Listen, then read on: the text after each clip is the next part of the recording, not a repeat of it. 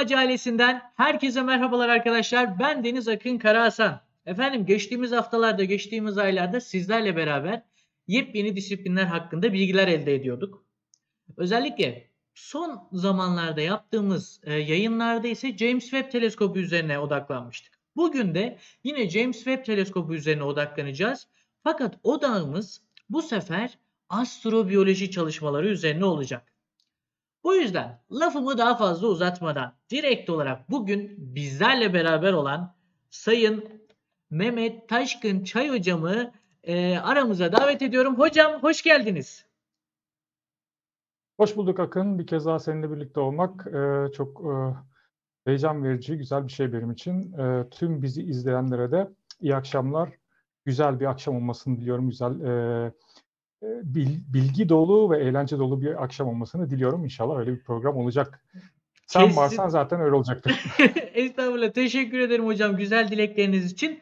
Nasılsınız? Umarım iyisinizdir diye sorayım ve bir yandan da chat'teki arkadaşlarımız yayının kalitesiyle alakalı bana geri dönüşte bulunsunlar. Sizlerden ricam sesimiz, tamam. görüntümüz iyi mi arkadaşlar? Onu bana bir söylerseniz çok sevinirim. Hocam bu arada bahsini geçirdiğim üzere nasılsınız? İyisiniz umarım. İyi çok şükür. İşte e, bildiğin gibi biz hep pandemi döneminde bir arada olduk. Dolayısıyla e, yavaş yavaş işte biraz daha normalleşiyor gibiyiz. Aslında normalleşmiş değiliz de. E, bu tabii bir iş yerine dönmüş olmak, e, çalışmalarımıza dönmüş olmak tabii biraz daha rahatlattı bu arada bizi. Tabii e, şeyi de e, yaşamı da biraz daha e, maraton haline getirdi. Son zamanlarda çok sıkışık e, işlerimiz olmaya başladı tabii. Kesinlikle. Birikmiş işler de vardı. Böyle devam ediyor hayat. Senin Peki. için nasıl bilmiyorum. Benim için de oldukça sürükleyici gidiyor özellikle son birkaç ayda. Bakalım bambaşka kapılar açıldı. Her birine yetiştirmeye çalışıyorum. Her birine koşmaya çalışıyorum.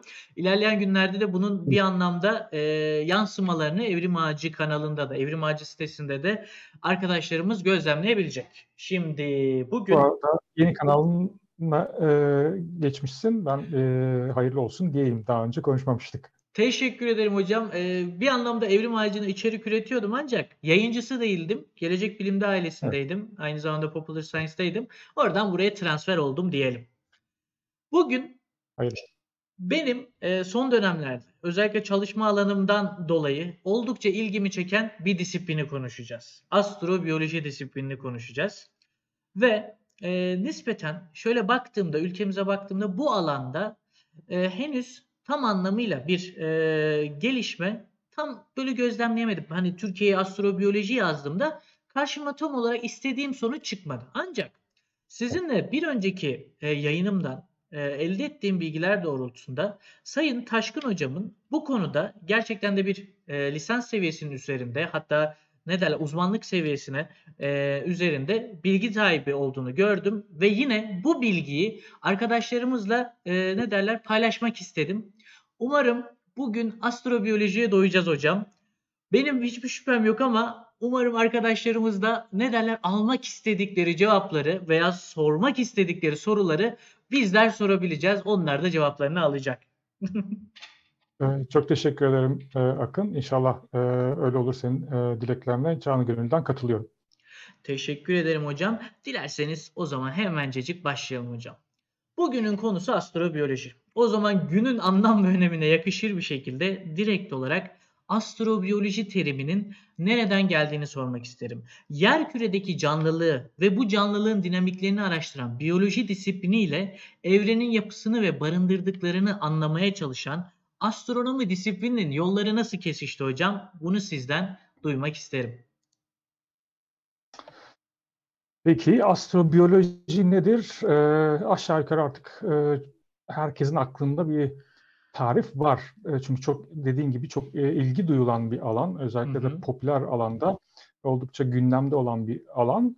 Dolayısıyla herkesin aklında e, astrobiyoloji nedir konusunda bir fikir var. Hı hı. Ama ben bir tarif yapayım istersen. E, bakalım o akıllardaki tarifle uyuşuyor mu? Şimdi astrobiyoloji dediğimiz zaman yaşam dediğimiz bir doğa olayı var. Bu yaşam dediğimiz doğa olayının ne olduğunu evren ölçeğinde ele alarak anlamaya çalışan disiplinler arası bir araştırma alanı e, var. O da işte astrobiyoloji olarak adlandırılıyor.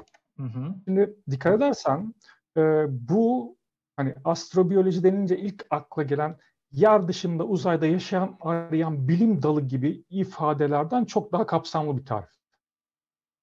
Çünkü astrobiyoloji uzayda yaşam, canlılık aramakla sınırlı bir e, faaliyet değil. Evet de cevap aradığı belirgin soru evrende yal- yalnız mıyız sorusu. Kesinlikle. Ee, o soruya cevap vermesi mutlaka gerekiyor. O, o- onu amaçlıyor. Ancak temel soruları arasında başka şeyler de var. Örneğin canlılığın kökeni nedir ve canlılık nasıl çeşitlenmiştir? Canlılığın nasıl çeşitlendiği biyolojinin alanına giriyor ama tabii e, astrobiyoloji biyolojiyi de içeriyor. Ama canlılığın kökenini bilmezseniz ki o yeryüzündeki canlılık e, başka başka yerlerde canlı aramanın bir e, manası olmayacak. E, ondan başka mesela herhangi bir gezegenin oluşumu ve gezegen şartlarının zamanla evrilmesi sırasında canlılık nasıl oluşur ve gezegenle birlikte nasıl evrilir? Yani e, canlılık gezegenin bir parçasıdır ve gezegen evrilirken canlılık evrilir düşüncesiyle bunun nasıl olduğunu araştırıyor gene astrobiyoloji. E, yeryüzündeki canlılığın geleceği nasıl olacak? Bu da astrobiyolojinin konusu. Kesinlikle. Yani Ee, ileriye yönelik bu bir perspektif sunacak bir anlamda. Evet. Yani bu çoğunlukla göz ardı edilir pek e, ortalıkta e, duyulmaz ama bu soruda mesela astrobiyolojinin sorular arasında. Bunlarla sınırlı olmamakla birlikte temel soruları bunlar. E, sonraki so- sorun astronomi ile biyoloji nasıl e, bir araya geldi? Yolları nasıl kesişti? Ne oldu da kesişti hocam? E, şimdi insanlar, insanlık yüzyıllar hatta e, binlerce yıldır diyebileceğimiz kadar uzun bir zamandır başka yerlerde yaşam olmalıdır fikrine hep yakın bakmış e, Akın. Hı. Ama 20. yüzyıla kadar e, bunun doğrulamanın ya da yanlışlamanın bir e, yolu hiç olmamış. Hı hı. Açıktır ki bunun olabilmesi için bir taraftan uzayı, evreni, e, oradaki cisimler hakkında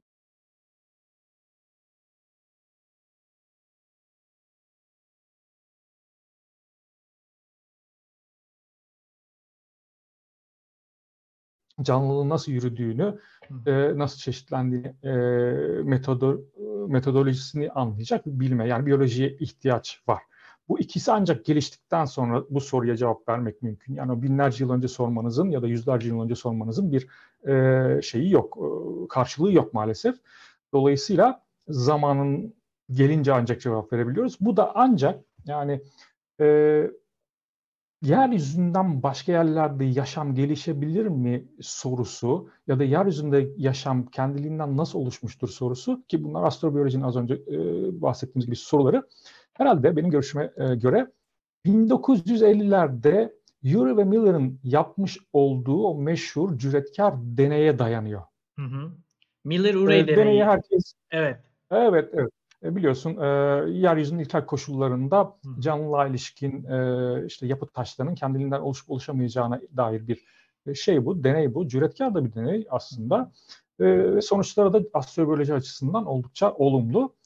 E, dolayısıyla dikkat edersen bu deney e, an- kısaca anlattığımız kadarıyla şu e, az önce konuştuğumuz şu sorunun e, içerildiği bir deney. Canlılık herhangi bir gezegenin evrilmesi sırasında e, işte gezegenle birlikte nasıl evrilir? Kesinlikle. Urey ve Miller'ın yapmış olduğu deney aslında bu. Dolayısıyla bu soruya cevap vermek üzere bir deney tasarlamış oluyorlar. Zan, zannediyorum işte astrobiyolojinin başlangıcını yani Hı hı. laboratuvara sokacak şekilde başlangıcını herhalde buraya e, dayamamız mümkün olur. Bununla birlikte e, hani eklemek gerekir ki astrobiyolojinin cevaplamaya çalıştığı sorular sadece astronominin ya da sadece biyolojinin bir araya gelerek cevaplayabileceği sorular değil. Hı. astrobiyoloji deyince bu iki bilimin evliliği gibi düşünmemek gerekir. E, bu soruya cevap verebilmek için evrende yalnız mıyız sorusuna cevap verebilmek için e, insanlık tarihi boyunca biriktirdiğimiz pek çok bilgiye, pek çok bilimin katkısına ihtiyaç var. Tabii ki onları da e, burada yad etmek gerekir diye düşünüyorum ama tek tek isimlerini saymayalım. Aklınıza gelebilecek her bilimden e, buraya e, açık yardım olabilir diye özetleyelim, bırakalım. Kesinlikle hocam. Çünkü ya öyle bir soru ki bu e, soru ki bu. İnsanlığın bir anlamda e, ortaya çıkışından itibaren kendini benim gibi birileri de var mı ya da ben gibi başka yerlerde e, kişilerde var mı işte insanlar var mı vesaire çok akla gelebilir bir soru ve çok temel bir soru. Ancak sizin dediğiniz gibi bu sorunun üzerine düşülerekten hareketlerin e, meydana gelmesi işte Miller-Urey deneyinde olduğu gibi ya da direkt bu uzay çağının başlangıcı Sputnik'te yani e, evreni keşfe yönelik ilk adımların atıldığı andan sonra insanların hakkına direkt olarak başka bir gezegende yaşam var mı sorusu gelip onun üzerine odaklı çalışmaların gerçekleşmesi de söz konusu oluyor diyelim. Şimdi Evet. bir sonraki Aynen. sorumuza geçelim hocam. Teşekkür ederim cevabınız için. Burada e, sıklıkla da bahsini geçirdik aslında. Yaşamın e, gezegenin evrimiyle birlikte farklılaşabileceğini, oluşabileceğine dair bir bilgi verdik. Burada da karşımıza sıklıkla kullanılan bir terim çıkıyor. Yaşama elverişli te- e, elverişli gezegen terimi. Peki hocam bu yaşama elverişli gezegen terimi ne demektir? Yaşama elverişli gezegen isimlendirmesi yapılırken bu terimi ortaya atabilmemiz adına dikkate aldığımız özellikler nelerdir? Bunu sizden duymak isterim. Evet, sık duyduğumuz e, bir şey senin dediğin gibi bu yaşama elverişli gezegen kavramı. E, yaşama elverişli gezegen dediğimizde aslında üstü kapalı olarak söylediğimiz şey e, gezegenin yeryüzünden bilip tanıdığımız canlılık türünün yaşamasına elverişli gezegen olduğu. Evet ona göre parametreler. Evet, yani yeryüzündeki yeryüzünden bildiğimiz canlılığa canlılığın yaşamasına elverişli Hı hı. Yani ya da bu türden bir canlılığa elverişli manasına geliyor. Şimdi evrende şimdiye kadar e, bildiğimiz tek canlılık türü biliyorsun yeryüzündeki canlılık. Başka bir canlılığa rastlamış değiliz e, başka bir yerlerde. E, tabii maalesef e, elimizdeki bu tek canlılık örneğinin de e, bu canlılık dediğimiz doğa olayının yegane karşılığı mı olduğunu yoksa olası pek çok farklı canlılık türlerinden sadece biri mi olduğunu Hı hı. bilmiyoruz. Bildiğimiz tek şey var. Yeryüzündeki yaşamın tek tip olduğu. Hı hı. Dolayısıyla yeryüzündeki gelmiş geçmiş tüm canlıların ortak bir atadan e, çeşitlenmiş olduğu. Luka evet. Yeryüzündeki yaşam, evet. Yeryüzündeki yaşam tek tip olarak sadece bir kez ortaya çıkmış gibi gözüküyor. Ve yeryüzünde ikinci bir e, canlılık türü hiç başlamamış gibi. Burada parantez Öyle açarak Yok, şunu başlamamış. söylemek istiyorum veya şunu sormak istiyorum. Yani sizin e, kastettiğiniz şey burada Luka'dan itibaren başladı. Bildiğimiz anlamda Evet. son ortak atadan itibaren başladı. Ama hiçbir kitlesel yok oluş canlılığın yüzde yüzünü yok etmediği için ikinci bir canlılık filizlenmedi. Yani ikinci diye tabir edebileceğimiz, başka canlılık diye tabir edebileceğimiz bir canlılık ortaya çıkmadı. Tam olarak bunu söylemek istediniz, öyle değil mi?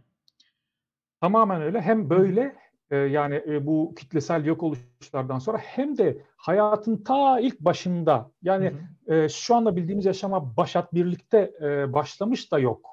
Hmm, Sadece bu kitlesel yok oluşlardan sonra değil. Hiç öyle bir iz yok ortada en azından. Anladım hocam. Ee, işte bu bildiğimiz yaşamda, yeryüzünden bildiğimiz yaşamda herkesin konuştuğu, bildiği temelinde karbon atomunun e, dayalı olduğu bir kimya sürdüren ki biz buna ne diyoruz? Organik kimya diyoruz. Evet. Ve bu ki- kimyanın işleyişi sırasında da işte kimyanın sürebilmesi için çözücü sıvı olarak suyu kullanan bir yaşam türü.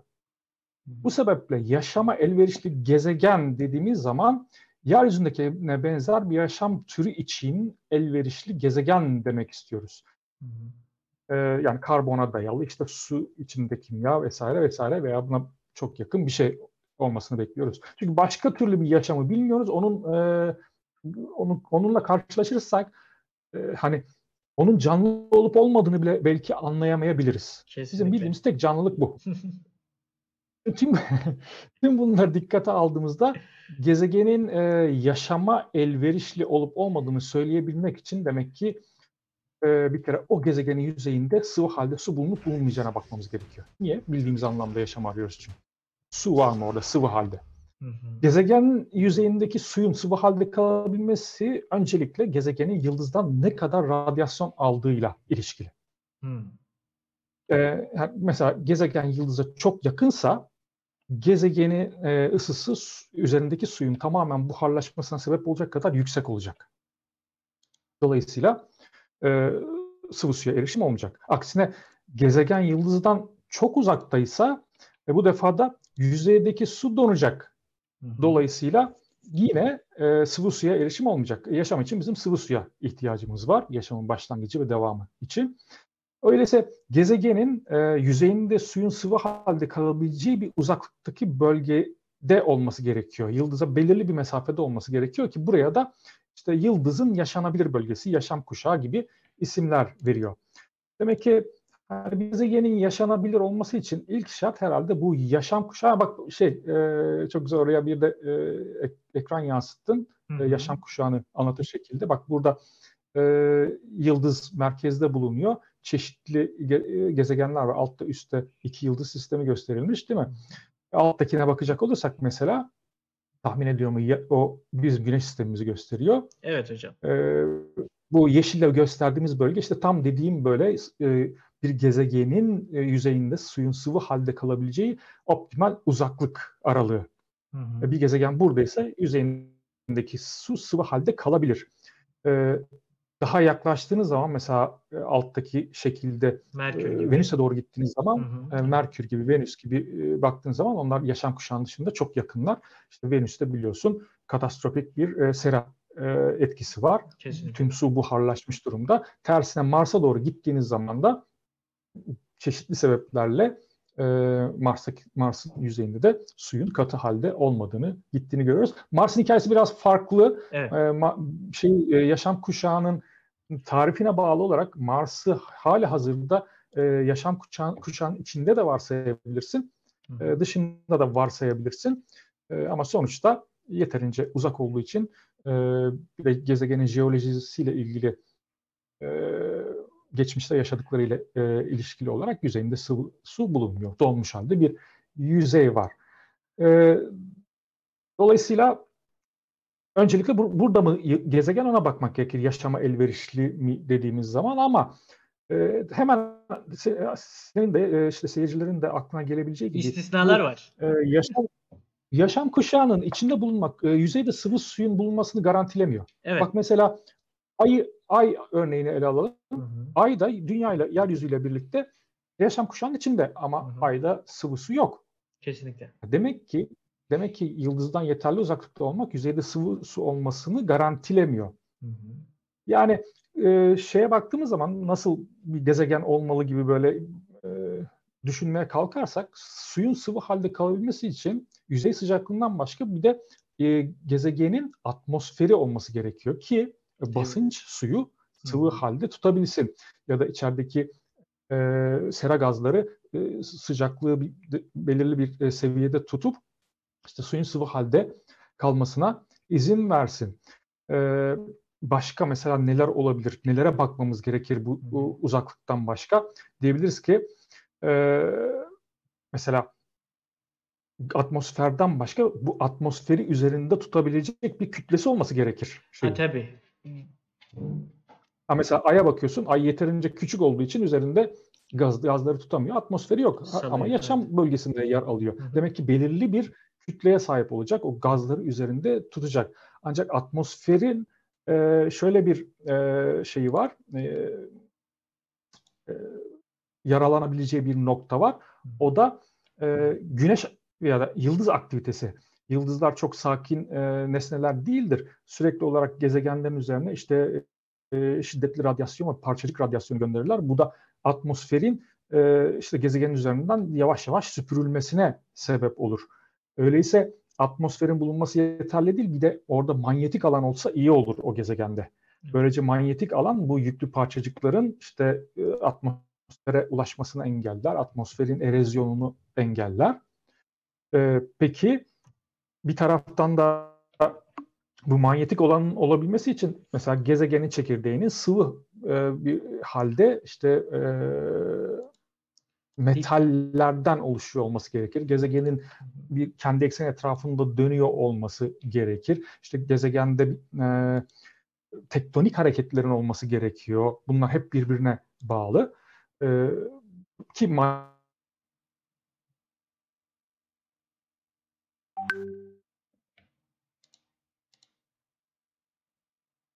Ses ses ses ses. Hemen kontrol edelim. etrafında dönüyor olması gerekir.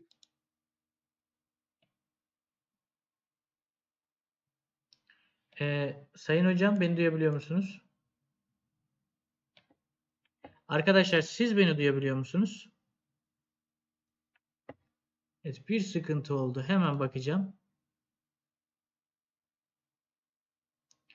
Ee, hemen hocamız sanırım internete gitti. Ben şöyle bir ekranı kendime alayım. Konuk dondu değil mi? Tamam. Ee, şuradan hemen ben hocama yazıyorum. Birkaç saniye bekleteceğim arkadaşlar. Sayın hocam. Ben geldim. Heh geldiniz. Tamam. O zaman şöyle ekranı vereyim hemen. Nerede gittiğini söylüyorum size. Ee, manyetik alanla alakalı olarak oluşumunda özellikle etkili olan levha tektoniği, sıvı e, işte magma gibi, çekirdek gibi ve bunun içerisindeki metallerden bahsediyordunuz. O dinamo hipotezine doğru yavaş yavaş geliyordunuz. Ee, oradaydınız Evet, hocam. için. devam Doğru. edebilirsiniz. Buyurun hocam. Ee, bir de mesela az önce sera etkisinden bahsettik atmosferde. İşte sera Hı hı. etkisinin olabilmesi için mesela e, sera gazlarının karbondioksitin Hı hı. belirli bir seviyede tutulması gerekiyor. İşte karbondioksitin e, yeryüzünde o belirli seviyede tutulması e, levha tektoniği say- sayesinde oluyor. Oraya dayanıyor. E, böylece e, karbondioksit seviyesi yükselmiyor. İşte sıcaklıklar yükselmiyor. Belirli bir e, düşük bir seviyede kalıyor yeryüzünün sıcaklığı. İşte gezegende mesela böyle bir durum olması gerekir. Ama levha tektoniğine baktığın zaman le- levha tektoniği de gezegende suyun bulunmasını gerektiriyor. Yani gezegende su bulunabilmesi için tüm bunlara ihtiyaç var. Tüm bunların olabilmesi için de suya ihtiyaç var. Öyle bir sistem düşünüyoruz ki kendi kendini besliyor içeride. Şimdi hocam burada şu soru aklıma geliyor. Şimdi levha tektoniği deyince insanların aklına otomatikman levha tektoniğinin bir sonucu olan özellikle kıta kaymalarının bir sonucu olan e, efendime söyleyeyim yer değiştirmeler, batma çıkma hareketleri ve buna bağlı olaraktan da coğrafyanın şekillenmesi geliyor. Ancak Evet. Suyun tam anlamıyla e, devir dayımının sağlanması için levha tektoniği nasıl bir e, önem arz ediyor bunu kafamda oturtamıyorum. E, Yaren diye bir öğrenciniz vardı. Elbette hatırlarsınız. E, kendisiyle küçük bir konuşma gerçekleştirdik. Acaba dedim yani su ve levha tektoniği arasında nasıl bir ilişki var? Manyetik alanın etkisini anlayabiliyorum. E, çünkü magmanın üste çıkan e, tarafını soğutup tekrardan soğuyan kısmının aşağı gelmesi ve devir daim yapması konveksiyon hareketi. Hocam arkadaşlar benim sesim size geliyor mu? Yine kendi kendime mi konuşuyorum acaba?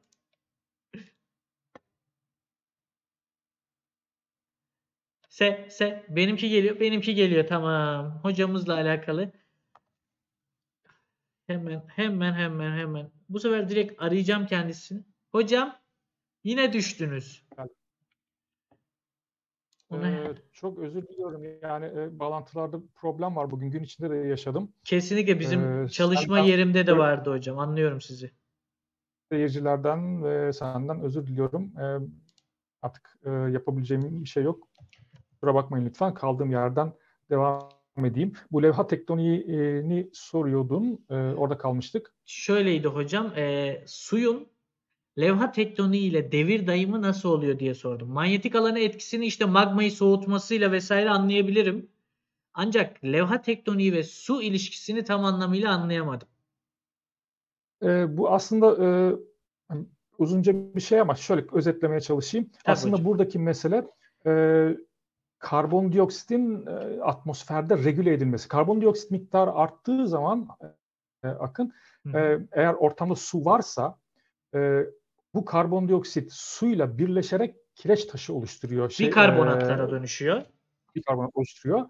E, tabii mineralleri de tabii ki Aynı zamanda pH'i düşürüyor. bu şeylerle evet mineralleri de işin içine katıyoruz değil mi? Bu yağışlarla birlikte e, suya karışan.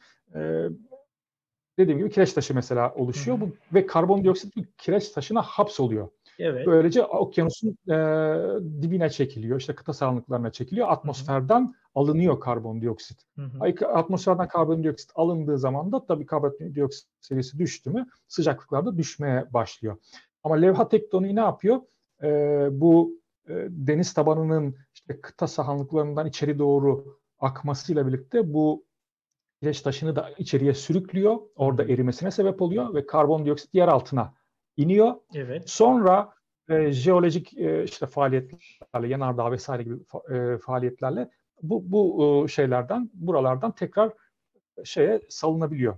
E, atmosfere. salınabiliyor. Böylece e, yani burada da kendi kendini besleyen işte karbondioksit miktarı arttığı zaman bu e, olayın etkinleştiği azal e, azaldıkça da levha tektoniğiyle birlikte işte e, azaltıldığı veya çoğaltıldığı bir şey var, denge var. Yani çok Döngü var, uzatmayalım evet. şimdi burada şeyi.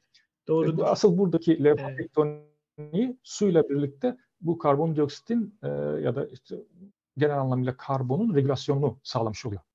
Pekala hocam o- teşekkür ederim. O ortamda belirli sıcaklık oluyor gezegende. Tamam Evet. hocam. Teşekkür ediyorum.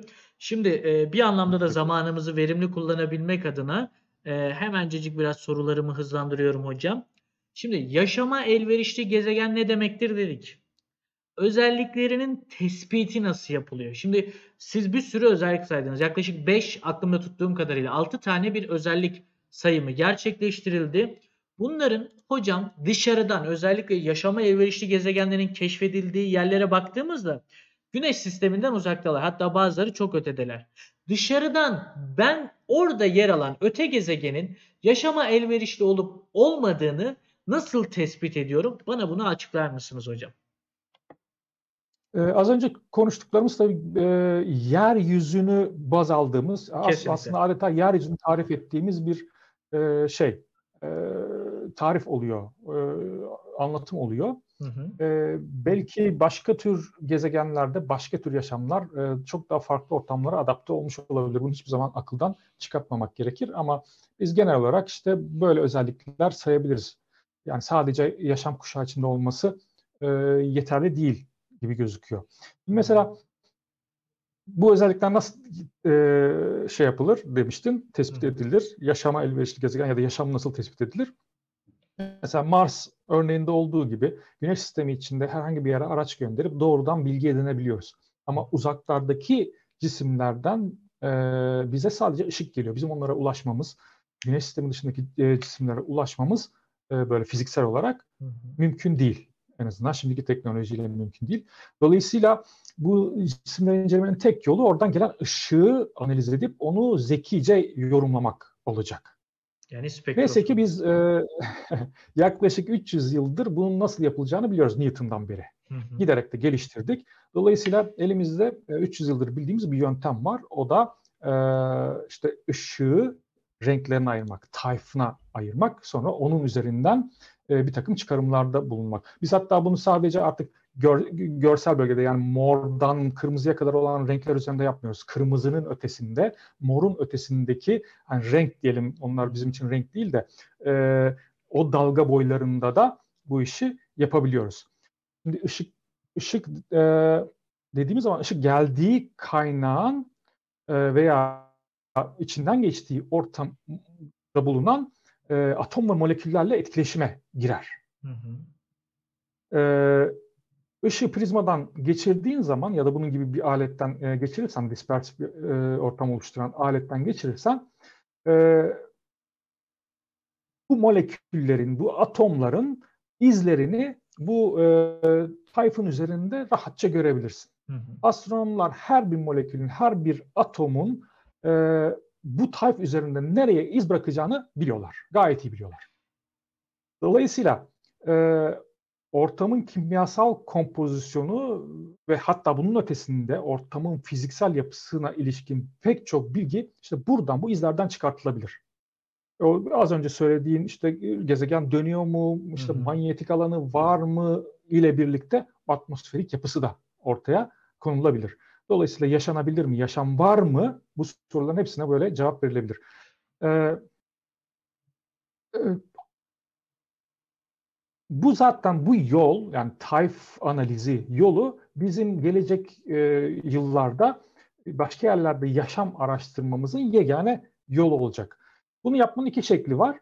Bir tanesi gezegen yıldızın önünden geçerken ışığın tayfını elde etmek. Hı hı. E, bu sırada alacağımız tayf gezegenin atmosferinden geçen ışığı e, içerdiği için gezegenin işte bu kimyasal yapısını ortaya çıkartacağımız e, bilgiyi de içeriyor olacak. Az önce bahsettiğimiz gibi oradaki moleküller işte ne varsa hepsini izleri bu tayfın üzerine düşecek. Diğeri e, yıl, gezegenin yaydığı ya da yansıttığı ışığı doğrudan alabilmek. Yani atmosferden geçip gelen yıldız ışığını değil de gezegenin kendi ışığını Direkt kendi alıp işi. aynı işi yapmak. E, ikisi de temel olarak aynı sonuca varacak ama e, bu ilk yöntem daha çok atmosferin üst tabakalarına ilişkin bilgi verecek bize. İkinci hı. yöntem daha derinlere inebileceğinden böyle atmosferin daha bütünsel yapısını ortaya koyabilecek bir yöntem. E, dolayısıyla atmosferin işte canlılığa uygun mudur, e, yaşama elverişli midir ya da orada canlılar var mıdır, kimyasal kompozisyonu nasıldır? E, bu şekilde anlayabiliriz.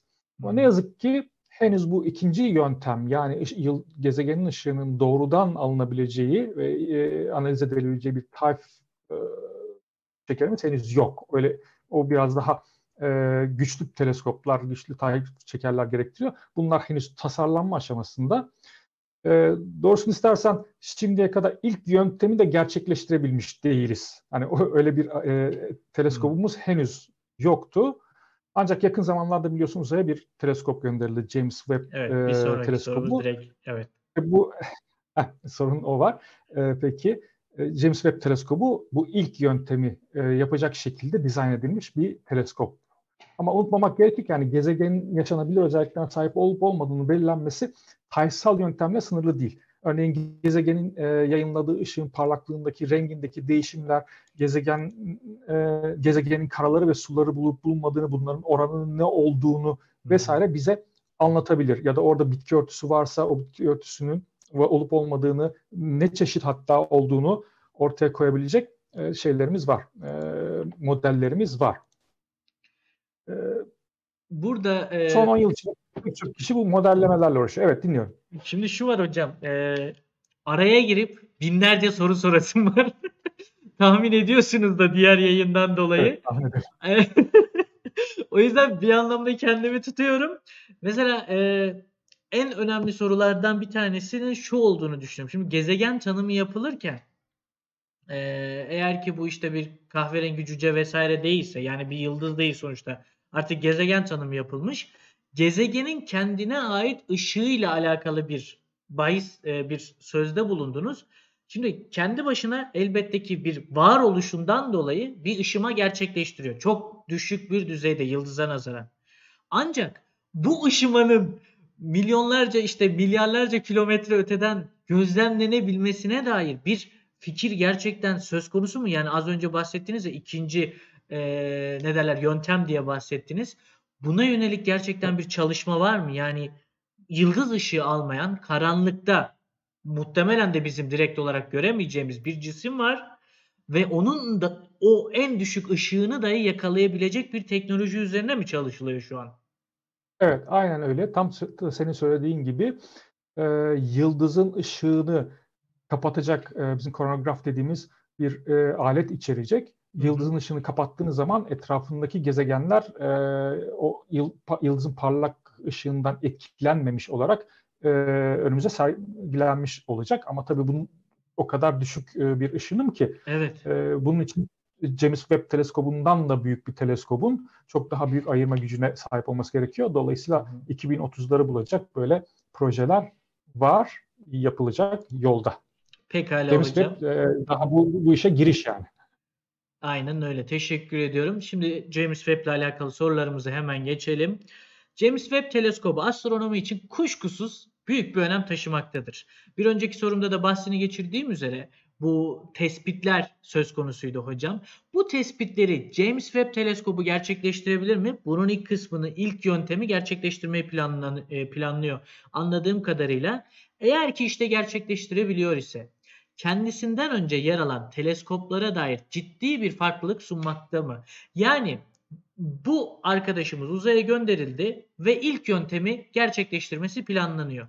Peki Hubble bu ilk yöntemi neden gerçekleştiremedi? James Webb'de ne var da bu ilk e, yöntemi gerçekleştirebilecek? Heh, soru bu. Soruyu e, sordun ama ben e, bir ara gene koptum. James Webb teleskobu ile ilgili soruyordun. Şöyle Ee, söyleyeyim hocam dilerseniz. Şu an beni özet, duyabiliyor özet bir şekilde geçersen. Evet, hemen evet. hemen özet bir şekilde söyleyeyim. James Webb teleskobu az önce bahsini geçirdiğimiz tespitleri yapabilecek mi? Yapabilecekse bir önceki teleskoplar bunu niye yapamadı? James Webb'in e, ne gibi bir farklılığı var? Özetin özeti. Peki James Webb, peki. James Webb teleskobu kuşkusuz e, kendinden önceki uzay teleskoplarıyla karşılaştırıldığı zaman astronomi ve astrofiziğin her alanında yeni bakış açıları sağlayabilecek ciddi avantajlara sahip.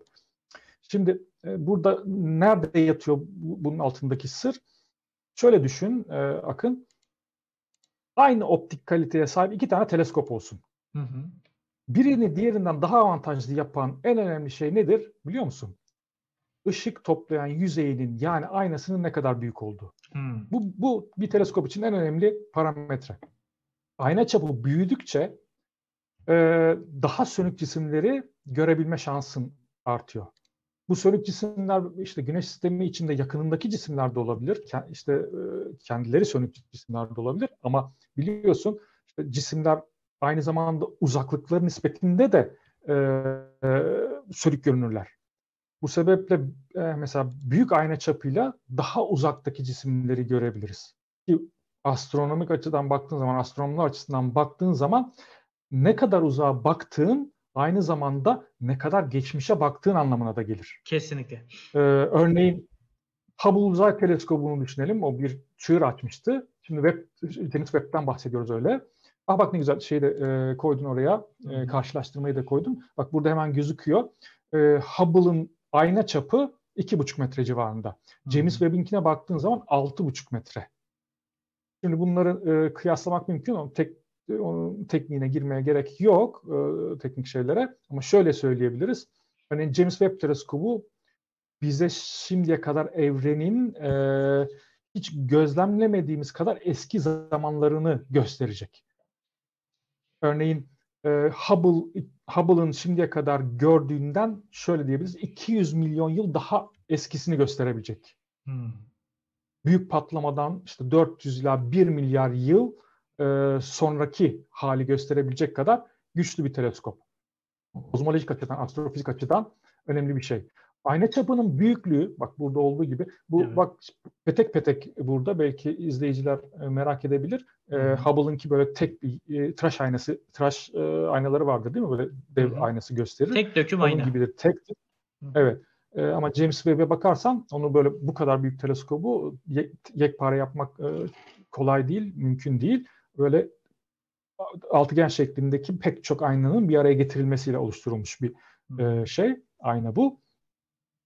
E, bu çapın büyük olması aynı zamanda ayırma gücü diye e, tabir ettiğimiz bizim astronomide teleskobun birbirine ne denli yakın iki cismi birbirine karıştırmadan ayrı ayrı cisimler olarak görebileceğini de belirliyor. Hı hı. Ne kadar ışık topladığından ayrı iki cismin nasıl birbirinden ayırt edebiliyor mu? Eğer ayna çapınız küçükse e, bazı cisimleri birbirinden ayırt edemezsiniz. Tek cisim gibi görürsünüz. Ama ayna çapı büyüdükçe bunları iki ayrı cisim gibi görebilirsiniz. E, böyle Ha- Hubble'ın e, internet üzerinde vardı ama buraya getirmedim. Hubble'ın üzerinde e, Hubble'dan alınan bir görüntüyle işte James Webb teleskobundan alınan bir görüntüyü Hemen karşılaştıran hallediyorum e, hocam. şeyler. Aa bak işte evet burada var. Buyurun. bu güzel. Sen güzel. Ee, bak yukarıda ben bu makaleyi önce okudum daha önce. Hı hı. Yukarıda e, Hubble Uzay Teleskobu ile alınan bir görüntü nasıl olurdu? Aşağıda aynı görüntü James Webb Teleskobu ile alınırsa nasıl oluru gösteriyor. Bunlar simülasyon aslında. Hı hı. E, henüz çünkü James Webb Teleskobu'ndan görüntü almadık. Bak e, görüyorsun yukarıda Hubble daha şey görüyor, bulanık, flu görüyor. Şey James Webb te- teleskobu daha böyle nokta nokta her şeyi birbirinden ayırt edebiliyor. Hmm. Yani? Ve yukarı- Bu bize mesela Hı hı. Evet. Şey diyecektim Şey hocam diyorum. günümüzde de çok fazla hani denk geliyor. Çözünürlük tabiri vardır ya. Aha. Belli bir alana düşen piksel sayısı. Yani pikselin de sonuçta bir ayırt ediciliğinin olması lazım ki oradaki farklı noktayı algılayabilsin. Hani şu an tamamen buradaki olayı anlatmak için söylüyorum. Veya umarım ki doğru söylüyorumdur. Buradaki de yukarıda Buradaki gördüğümüz piksel olayı değil ama. Ha, değil Yok, ama buradaki çok benziyormuş gibi duruyor. Yok yani yani sen buna gözünle de baksan Heh. buradaki yani insan gözüyle kartal gözünü karşılaştırmak gibi bir şey. Aa, tamamen farklıymış o zaman. Tamam. Tamam.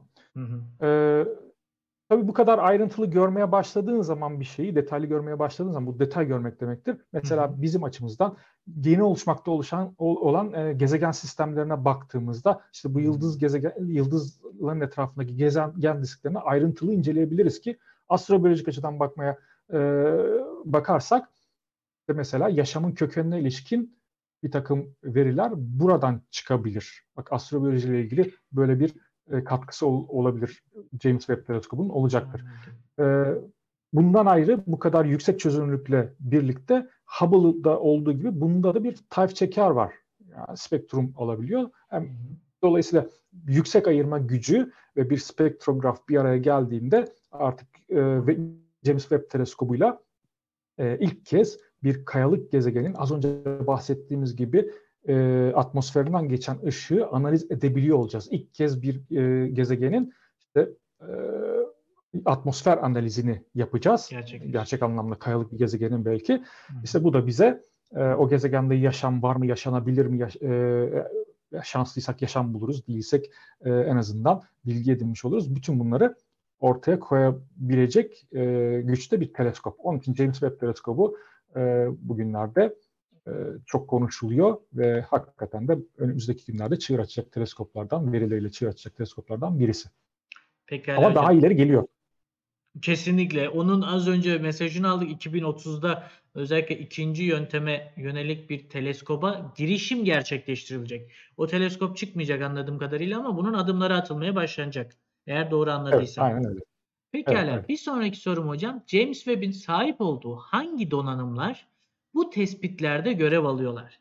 Ve nispeten kabaca e, bunların çalışma prensipleri ne şekilde işliyor? Bunu sizden duymak isterim. Muhtemelen çalışma prensipleri o bahsini geçirdiğiniz Newton'un ışığın kırılmasına bağlı olarak onun tabii çok daha teknik e, bir altyapıyla anlatımına bağlı olarak da Böyle bir çalışma mekanizması var. Ama yine de e, izleyicilerimiz adına sizlerden biraz bahsetmenizi isteyeceğim.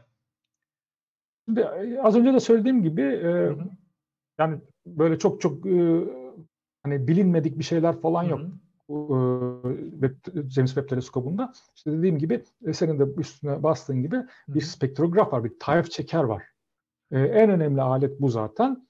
E, ve az önce e, bahsettiğimiz gibi de işte atmosferden geçen ışığı analiz etmenin tek yolu biliyorsun bu oradaki e, izleri işte ge- gezegenin atmosferindeki izleri Tayfun üzerinde e, görüp işte orada neler var neler yok. Dolayısıyla e, çok böyle e, hiç bilmediğimiz çok değişik e, enteresan enteresan bunların hepsi enteresan da enteresan aletler yok. Enteresan değil ben çünkü alışık olduğum için enteresan değil Astronomi camiası e, sürekli alışık anladığım kadarıyla. e, alışık, evet, evet, evet. Dolayısıyla bir spektrograf ve kızıl ötesinde çalışan bir teleskop. Bir- E, James Evet. Webb teleskobu kızıl ötesinde e, çalışıyor. Bu da e, şey e, soğuk cisimleri işte gezegenleri veya Hı hı. e, evrenin erken dönemlerini incelemek açısından kırmızıya kaymış e, cisimleri incelemek açısından önemli bir dalga boyu. E, mesela Hubble'dan farkı bu. Hubble daha çok görsel bölge de çalışırken bu kızılötesi bölgede işte yakın kızılötesi ve orta kızılötesi bölgede çalışan bir teleskop. Hı hı. E, dolayısıyla pek çok molekül çizgileri mesela yaşama ilişkin organikleri bu dalga boylarında görebiliriz. O açıdan bir avantaj sağlıyor. Yani kısacası Yani, anladığım kadarıyla ek- Hı. ekstra bir e, donanımdan bahsetmek değil. En, en önemli donanımı çok büyük bir aynaya sahip olması ve bir spektrografa sahip olması. Bu bizim için zaten yeterince iyi bir şey. Bir de sahip olduğu yörüngeden dolayı çok daha e, ne derler ışımalardan istenmeyen ışıma diyeceğim çünkü terminolojik olarak bilmiyorum. Bunlardan uzakta yer alması sayılabilir sanırım. Anladığım kadarıyla Evet tabii uzay teleskoplarının öyle bir avantajları var yeryüzündeki teleskoplara göre ama yani onlar hani konunun dışında teknik şeyler istersen hiç girmeyelim vaktimiz kısa. Sonra Aynen başka hocam. zaman. Ee, sanırım şu şekilde o zaman astronomi disiplini adına bu alanda çalışanlar adına baktığımızda malzemeler bilindik malzemeler. Yani ben de burada mesela yanımda mikroskop var, e, oküleri var, o su var, bu su var. Ama James Webb'tekiler bu işin en e, birinci kalite ürünlerine sahip parçaları içeriyor. Anladığım kadarıyla. Doğru mudur hocam? Yani o, o yanındaki mikroskobun elektron mikroskobu olmasını ister miydin? Heh, evet, anladım. İster. Ama elektrik çok pahalı olduğu için gerek yok diyerekten böyle devam ediyorum. Şimdi ise astrobiyoloji disiplinine dair artık yavaş yavaş böyle nispeten popüler olarak adlandırabileceğim sorulara geçmek istiyorum. Ve bu soruların başında sürekli olarak yaşam arayışında olduğumuz, yaşama elverişli gezegen tabirlerinden bahsettiğimiz için yaşamın izlerinden bahsetmek istiyorum. Ve bu bahsi geçirmek için de karşımıza bir tane terim çıkıyor. Biyo imza. Ee, bu biyo imza tabiri yaşama dair bizlere ne gibi bilgiler sunabilir hocam? Ve bu biyo imza tam olarak nedir? Bunu sizden öğrenmek isterim.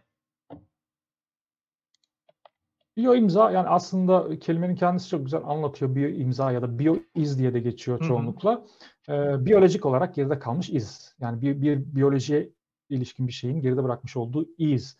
Yani e, şey olarak verirsek böyle e, tarif olarak verecek olursak literal anlamda işte hı. biyo iz hani kökeni biyolojik bir kaynağın varlığını gerektiren işte bir nesne, bir materyal madde e, veya bir örüntü böyle kendini tekrarlayan bir olay sinyal olarak tanımlanıyor. Yani bir canlının geride bıraktığı ve kendisinin varlığını ya da bir zamanlar orada bulunmuş olduğunu anlamamıza yarayan her türlü iş işarete biyo iz ya da biyo imza diyoruz. Hı hı. Umarım bu açık olmuştur e, tarif olarak. Mesela örnek verecek olursak Güneş sistemi içinde pek çok işte araç gönderiyoruz Mars'a falan değil mi? Hı hı. Ee, bu araçlardan birisi gezegenlerin üzerinde bir fosile, mikrofosil veya gerçekten bir fosile falan rastlayacak olsa bu biyo imzadır. Ya da işte astronotlar git, geleceğin astronotları gittiler bir uyduda, bir gezegende böyle doğrudan fosil buldular. Bu açık bir biyo izdir, biyo imzadır. Kesinlikle. Biyo imza böyle bir şeydir mesela. Başka ne olabilir?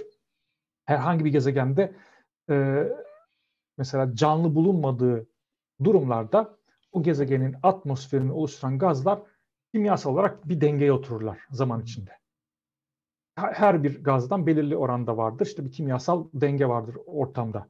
Canlılar bulunduğu zaman o gezegende e, bu canlılar e, gezegenle etkileşim halinde bulundukları için e, örneğin yaşam için kullandıkları veya salgıladıkları gazlarla gezegenin atmosferinde kimyasal e, dengesizlik oluştururlar. Bozarlar oradaki e, kimya kimyasal dengeyi. Böylece gezegenin atmosferinde e, kimyasal kompozisyonu incelersen e, kimyasal denge halinde o atmosferde bulunan gaz karışımından ayrı bulunmaması gereken bir şeyi tespit edersen e, işte ve bunun da jeolojik süreçlerle bir açıklaması yoksa o zaman bunun bir e, biyolojiye ilişkin e, iz olabileceğini, bir e, ipucu olabileceğini söyleyebiliriz. Mesela bu da değişik bir tür. İşte bizim aslında e, deminden beri konuştuğumuz türden bir bioiz.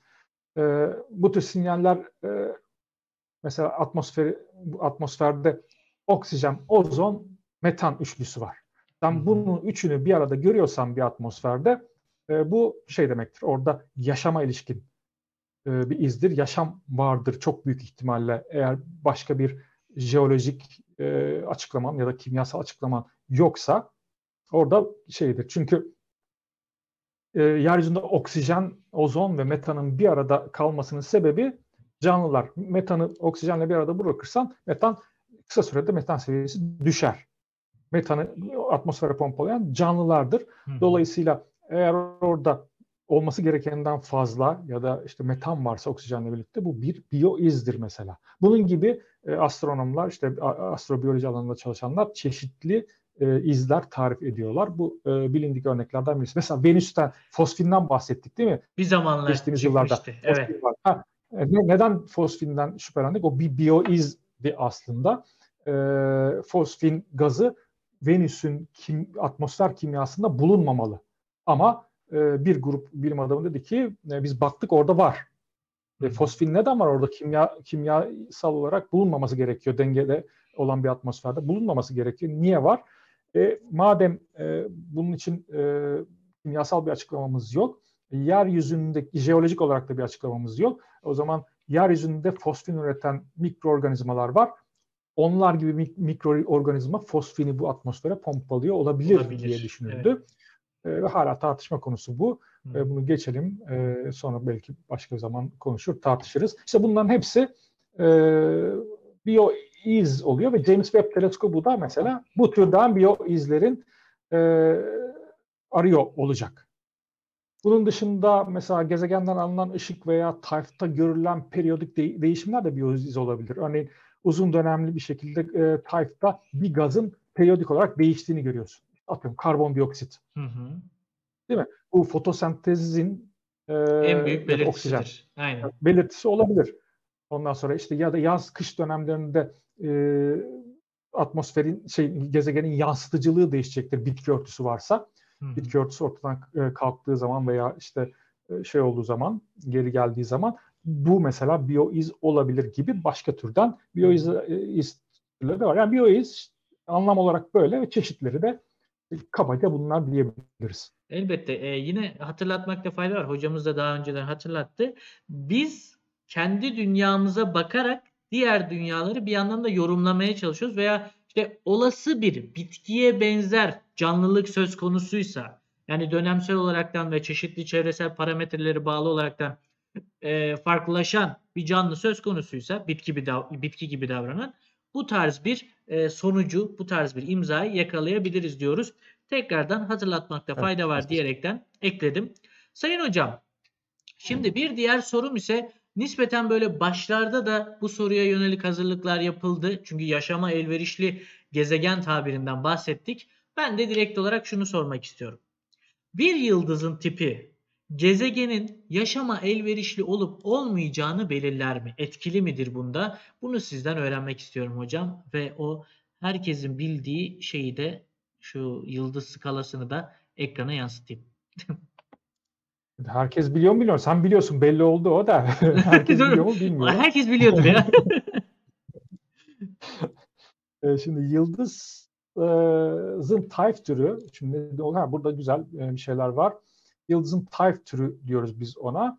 E, Etrafındaki gezegenlerde canlılığın oluşumu veya devamı ile ilgili olması ol- olmalı diye düşünüyoruz. Hı hı. Type türüyle canlılık etrafında gezegenlerdeki canlılık arasında bir ilişki vardır diye düşünüyoruz. Ama tabii ben yani kişisel görüşümü de söyleyeyim burada Tabii ki. e, hani kitaplarda geçenin haricinde benim kişisel görüşüm aynı yaşam yaşanabilir bölge kavramında olduğu gibi buradaki ilginin de çok katı bir çerçeve çizmeyeceği. E, yani yaşanabilir bölge kavramına bak, baktığın zaman su belirli bir işte uzaklıkta bulunmalı diyorsun. E, gel gelelim e, yaş- yaşam kuşağının çok dışındaki bir uyduda örneğin Europa'da Hı e, su bulunabiliyor. Mesela. Dolayısıyla bu, bu, bu çok katı bir e, tarif değil. Sadece işimize yarar bir tarif. Ve aynı şekilde burada da e, çok katı çerçeveler çizmiş olmayacağım. Ama genel görüşümü söyleyeyim. E, şöyle, astronomlar yıldızları burada çok iyi gözükmüyor. Biraz Ben söyleyeyim. O, B, A, F, G, K ve M olarak O, B, A, F, G, K ve M olarak 7 tane ana sınıfa ayırıyor. Doğrudur hocam. Burada da öyle. Bu heh, e, bu e, sıralama öncelikle O'dan M'e doğru giderken bir sıcaklık sıralaması. O tipi en sıcak yıldızları, M tipi de e, olabilecek en soğuk yıldız tipini temsil ediyor. E, ve bu e, sıralama evrimleşmiş yıldızlar var. İşte yuk- burada yukarıda görüyoruz mesela bak orada eğri şeklinde giden bir hat var. Ona biz ana kol deriz. Bir de onun üzerinde ha bak O, B, A, F, G, K ortada varmış şimdi gördüm. Hı. Ee, üst tarafta da evrimleşmiş bir yıldızlar var. Onları e, onlar da tabii bu konunun içinde ama onları ayrı tutacak olursak biz şu ana kol üzerinden konuşalım. Orada devam eden sürekli hat Tabii üzerinden hocam. konuşalım. Bak OBA, GKM diye yıldızlar sıralanmış orada. Bu hat üzerinde bu sıcaklık sıralaması dedik. Aynı zamanda bir kütle sıralaması da. O tipi yıldızlar en büyük kütleye sahip. M tipi yıldızlar en düşük kütleye sahip olmak üzere. O hat üzerinde böyle bir sıralama var. Biz e, astrofizikten biliyoruz ki yıldızın kütlesi ne kadar büyükse e, hayatın sonu o kadar çabuk gelir. Çabuk ölür. Hı hı. Dolayısıyla e, şimdi tüm bunları e, akılda tutarsak mesela OBA yıldızları oluştuktan birkaç milyon yıl sonra ölürler. Ama FGKM yıldızları e, işte sırasıyla 10 ila 100 milyar yıla kadar yayılan bir e, şey e, yaşam süresine sahip. Şimdi astrobiyoloji açısından bakacak olursak OBA tipi yıldızlar daha çevrelerindeki gezegenlerde yaşam başlayamadan ölecek türde yıldızlar. Çünkü biz yeryüzünden biliyoruz ki e, yeryüzünde yaşamın başlaması e, bir en az 1 milyar, 1, e, 2 milyar yıllık bir zaman almış. Hı hı. Eğer bu e, kesin bir şeyse yani kuralsa öyleyse birkaç milyon yıl içinde bir gezegende yaşamın başlamasını ummayız. Dolayısıyla astrobiyoloji açıdan FGKM yıldızları daha uzun ömürlü yıldızlar e, çevrelerindeki gezegenlerde yaşam oluşabilmesi açısından daha çok süre tanıyorlar gezegenlerine ölmeden önce. E, ama Yani- bununla birlikte Hı hı. ha, evet bir şey soracaktın galiba. Yok şey diyecektim hocam. Yani anladığım kadarıyla gezegenin e, yaşam süresi ne kadar uzunsa tüm bu işte fiziko-kimyasal tepkimelerin yaşamı oluşturabilmesi adına gerçekleştirdiği e, o kombinasyonların sayısı da artacaktır. Hal böyle olunca ihtimal ne kadar düşük dahi olsa yaşam süresi buna elverişli olduğu için uzak işte uzun olduğu için bu elinde solunda gerçekleşebilecektir diye düşünüyoruz. Diğerlerine nazaran. Güç kısalarına nazaran. Evet olabilir. Hı hı, Olabilir. Evet. elbette. Ee, yaş- e, zaman bunun için önemli. Ama e, bu yaş- yıldızın yaşam süresi Hı hı, e, tek belirleyici faktör de değil tabii. Hani yıldız tiplerinden e, itibaren sorduğun için bunu söylüyorum. tabii ki de tabii ki de. Örneğin yıldızlar doğduklarında çok aktiftirler. Zaman içinde yaşlandıkça bu aktivite düşer. Hı hı, E, bu aktivitede e, sürekli olarak e, gezegene işte yüksek enerjili fotonlar, e, parçacıklar salar. ışımalar, evet. Bu hem ortamda evet ışımasalar ve bu hem ortamdaki varsa canlılar açısından hem de gezegenin atmosferi açısından olumsuz bir şey. Hı hı, Mesela M tipi yıldızlarda e, yaşam süreleri uzun olduğu için aktivitenin azalma zamanı da uzuyor. hı. M tipi bir yıldızda bu aktivite 10 milyarlarca yıl sürer. Ama G tipi bir yıldızda birkaç 10 milyar yıl yaşayacaktır. Çok daha çabuk e, aktivite Gösteriyor. azalır. Evet. Dolayısıyla e, M tipi yıldızlar böyle hani 10 milyar yıl e, sürecek bir aktiviteyi düşünürsen e, Güneş sistemiyle karşılaştırdığında daha o başlangıçta sayılır aktivite açısından. Daha işte e, durulacak da ondan sonra etrafındaki gezegenler biraz nefes alacak. Hı hı, Dolayısıyla e, GK tipi yıldızlar e, daha olası hedefler. Yaşamın hızla gelişebileceği ortamın oluşması açısından gezegen şey yıldıza baktığımız zaman. Öyleyse bu 7 tip yıldız içinde ilgimizi en çok geçenler e, e, ilgimizi en çok e, çekenler G tipi, K tipi, K tipi, bir biraz G'ye yakın F tipi yıldızlar oluyor. Ama şunu da unutmamak gerekiyor. Hep e, istisnalar var. E, güneş sistemimizden de çok iyi biliyoruz. Yaşam kuşağı az önce bahsettik. Hı hı. Bir sınırlama değil. İşte yaşam kuşağının dışında Europa'da yaşam var mı diye düşünüyoruz. Bunun gibi e, OBA tipi yıldızlarda da hiç alışık olmadığımız, ummadığımız bir şekilde hızlı evrimleşmiş bir yaşam türü olabilir mi? Bilmiyoruz belki de olabilir. Ya da M tipi yıldızların etrafında bu şiddetli radyasyondan korunacak e, başka ortamlarda işte yer altında e, o gezegenin e, e, derinliklerinde ya da tamamen bu radyasyona adapte olmuş canlılık olabilir mi? E, onları bilmiyoruz. Biz sadece genel yeryüzündekine bakarak konuştuğumuz, e, tarif ettiğimiz şeyler. Yaşam öyle bir şey ki Yani her yerden filizleniyor ve tutunuyor. Dolayısıyla her türlü şeyi beklememiz de olası gibi görünüyor bana. Yaşam bir yolunu e, bulur diye Jurassic Park'ta çok güzel bir Ha, söz evet ya, vardı. evet. Aynen. Evet, Tam da bunun üzerine denk geldi. Çok iyi oldu. Bakayım hemen e, hocam bir sonraki soruma.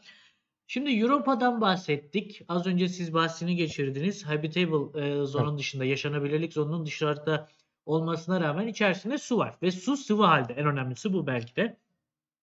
Peki Europa'nın okyanuslarının derinliklerinde tırnak içerisinde uzaylı ekosistemlerine rastlayabilir miyiz? Bunu neden soruyorum? Bunu sağ olsun Cassini yüzünden soruyoruz. Ee, Cassini Enceladus'tan işte oradaki geyserlerden diyeyim ben örnekleme yaptığında organik molekülleri örnekledi. Özellikle büyük organik molekülleri örnekledi. Hal böyle olunca Europa ile Enceladus'ta nispeten benzer bir duruma sahip. Altında okyanuslar var. Kabuğunun altında okyanuslar var diyeyim. Peki bu okyanuslar gerçekten de bir uzaylı ekosistemine ev sahipliği yapıyor olabilir mi? Artık burada bilmediğimiz için ihtimaller üzerinde konuşuyoruz hocam. E sen zaten söylenecek hemen hemen her şeyi söyledin. bana, bir şey kalmamış oldu. Özür dilerim. Ben ne yapsam neyse ne söyleyeyim. Ee, Avrupa'nın derinliklerinde o eko, e, uzaylı ekosistemler olabilir mi? İşte su var dedik. Hı hı. Doğru. E, o zaman su varsa yaşam olma ihtimali çok yüksek. Zaten aynı ma- e, malzemeden yapılmışız değil mi? Yani yeryüzü, Kesinlikle. e, işte diğer gezegenler, işte güneşin e, oluştuğu materyalden oluşmuş. Dolayısıyla bu çok muhtemel. E, Mesela dediğim gibi Europa kalın buzla kaplı bir dış yüzeye sahip Hı hı. e, ve bunun altında uyduyu kaplaya, kaplayan bir okyanus olduğu düşünülüyor. Hı hı. Nereden biliyoruz bunu? Uydunun yoğunluğu bize bunu söylüyor. İşte Jüpiter'in manyetik alanı ile bir manyetik alanı var e, geze, şeyin, gezegen diyorum, uydunun. Hı hı. E, bu da bu yoğunluğa karşılık bu manyetik alan, indiklenmiş manyetik alan da orada bir suyun, özel tuzlu suyun olduğunu hatta bize söylüyor. Hı hı. E, iletken olması gerekiyor çünkü indiklenmiş manyetik alan için. E, yoğunluğa bakıyorsun, e, orada demir çekirdek falan gibi bir şey, öyle, bir yoğunluk gözükmüyor. Daha düşük bir yoğunluk var. E ne olabilir iletken başka? Başka, Mesela evet. tuzlu su olabilir. Kesinlikle. Dolayısıyla bunlar bize böyle e, okyanus olduğunu ima eden şeyler. Gözümüzde görmedik ama böyle çıkarımlarda bulunuyoruz. E, işte tuzlu su mesela e, donma derecesini düşürdüğü için içeride suyun sıvı halde olması e, çok e, akla yakın.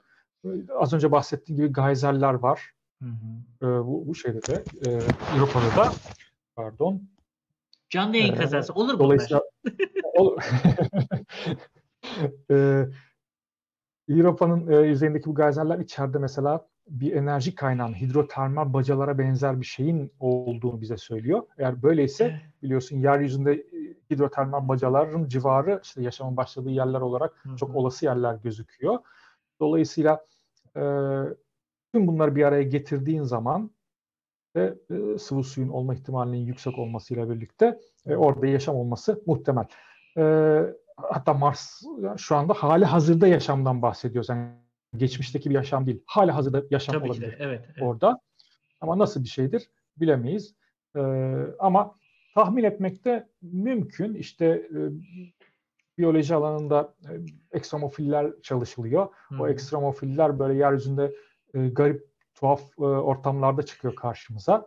İşte mesela böyle bir ortamda baktığın zaman e, buzların altında, e, yüksek e, basınç altında, tuzlu ortamlarda yaşayan canlılar yeryüzünde nasılsa Hı hı. işte onlara benzer özelliklere sahip bir şeyi ummak Hı belki hı. mümkün olur. İşte Eğer özellikle kompleks hale gelmiş. Kesinlikle. Özellikle halofiller gibi işte bakteri türlerini düşündüğümüzde e, bir de anaerobik olaraktan da hani eğer ki enerji üretebiliyorlarsa öyle bir durumda oksijenin yoğunluğunu tahmin edemediğim için anaerobik diyelim garanti olsun dedim. Tabii olabilir. Aynen öyle. E, bir yaşam gerçekten de söz konusu olabilir. Sayın hocam, bir önceki yayınımızda fırsatımız olmadı demeyeceğim çünkü yanlış söylemiş olurum. Bir önceki yayınımızda Perseverance fırlatılmamıştı. O yüzden konuşmadık böyle bir şeyi. Şimdi James Webb'i konuştuk. Popüler birkaç tane de e, astrobiyoloji e, konusuna, sorusuna değinme fırsatımız bulundu. Şimdi ben direkt e, üzerinde çokça değindiğimiz için su ve oksijen sorularını şöyle bir kenara bırakıyorum. Benim asıl merak Tamam. ettiğim sorulara geçiyorum. Efendim, Perseverance adlı rover Mars yüzeyinde özellikle Jezero adlı bir kratere iniş yaptı. Peki onlarca krater arasında neden Je- Jezero seçildi hocam? Öncelikle ilk sorun bu. Jezero'nun seçilmesinin ardından NASA Salda Gölü ile Jezero arasındaki benzerliğe bir dikkat çekti. Salda Gölü'nün bu Jezero ile alakalı olarak ne gibi bir bağlantısı var? Bunu sizden duymak istiyorum. Ee, şeyden başlayalım istersen. Mars, bugünkü Mars daha önce dedik ya e, kuru halde ama Evet. bu geçmişte Mars'ın yüzeyinde su akmadığı anlamına gelmiyor. Hı hı. Biz biliyoruz ki günümüzden 3 milyar yıl öncesine kadar sıvı su Mars'ın yüzeyinde mevcut. Ee, yani Güneş sisteminin oluşumundan sonraki 1,5 milyar yıl içinde yaklaşık 1,5 milyar yıl içinde Mars'ta sıvı su var yüzeyde. Dolayısıyla orada yaşam oluşma potansiyeli de en az yeryüzündeki kadar e, ihtimalli. Hı hı. Hatta belki de e, yakın zamanlarda birkaç makale okudum. E, onlarda da e, iddia edilen bu. Belki de Mars'ta yaşamın e, yeryüzünden baş- önce başlamış olması bile muhtemel. Bütün uygun şartlara sahip, yeryüzünden bile uygun şartlara sahip. E, dolayısıyla yaşam orada başlamış olabilir. Onu onu düşünüyoruz. Ama tabii ki bu bir buçuk milyar yılın ardından işte gezegendeki suyun e, ortadan yok olması, işte ortamın değişmesiyle birlikte tabii yaşam için e, elverişsiz koşullar geliş, oluşuyor. Dolayısıyla e, yaşam herhalde orada kompleks hale gelememiş olmalı. Hı hı. E, işte mikroorganizma seviyesinde kalmış olmalı büyük ihtimalle. Dolayısıyla e, nerelere bakmalıyız Mars'ta dediğimiz zaman herhalde en uygun yerler işte böyle geçmişte akarsuların e, ha bir tane de görüntü geldi şimdi ekrana bu saldı Rej- geliyor. rejimiz diletti hocam. Teşekkür ediyorum kendime. Çok güzel. Sen de yayın yapmak harika. Her şeyin hazır. güzel. Ee, yani Mars'ta e, geçmişte akarsular var. İşte bu akarsular da yeryüzünde olduğu gibi işte e, çökelleri taşıyıp biriktiriyor e, akarsu ağızlarında. Ora, buralara bakmak e, dolayı e, eğer bir geçmişte yaşam varsa onun izini bulmak için en uygun yerler. İşte Jezero krateri de bak tam burada görünüyor. Tam da böyle bir yer. Bir akarsuyun bitiminde yer alan eski bir göl yatağı burası.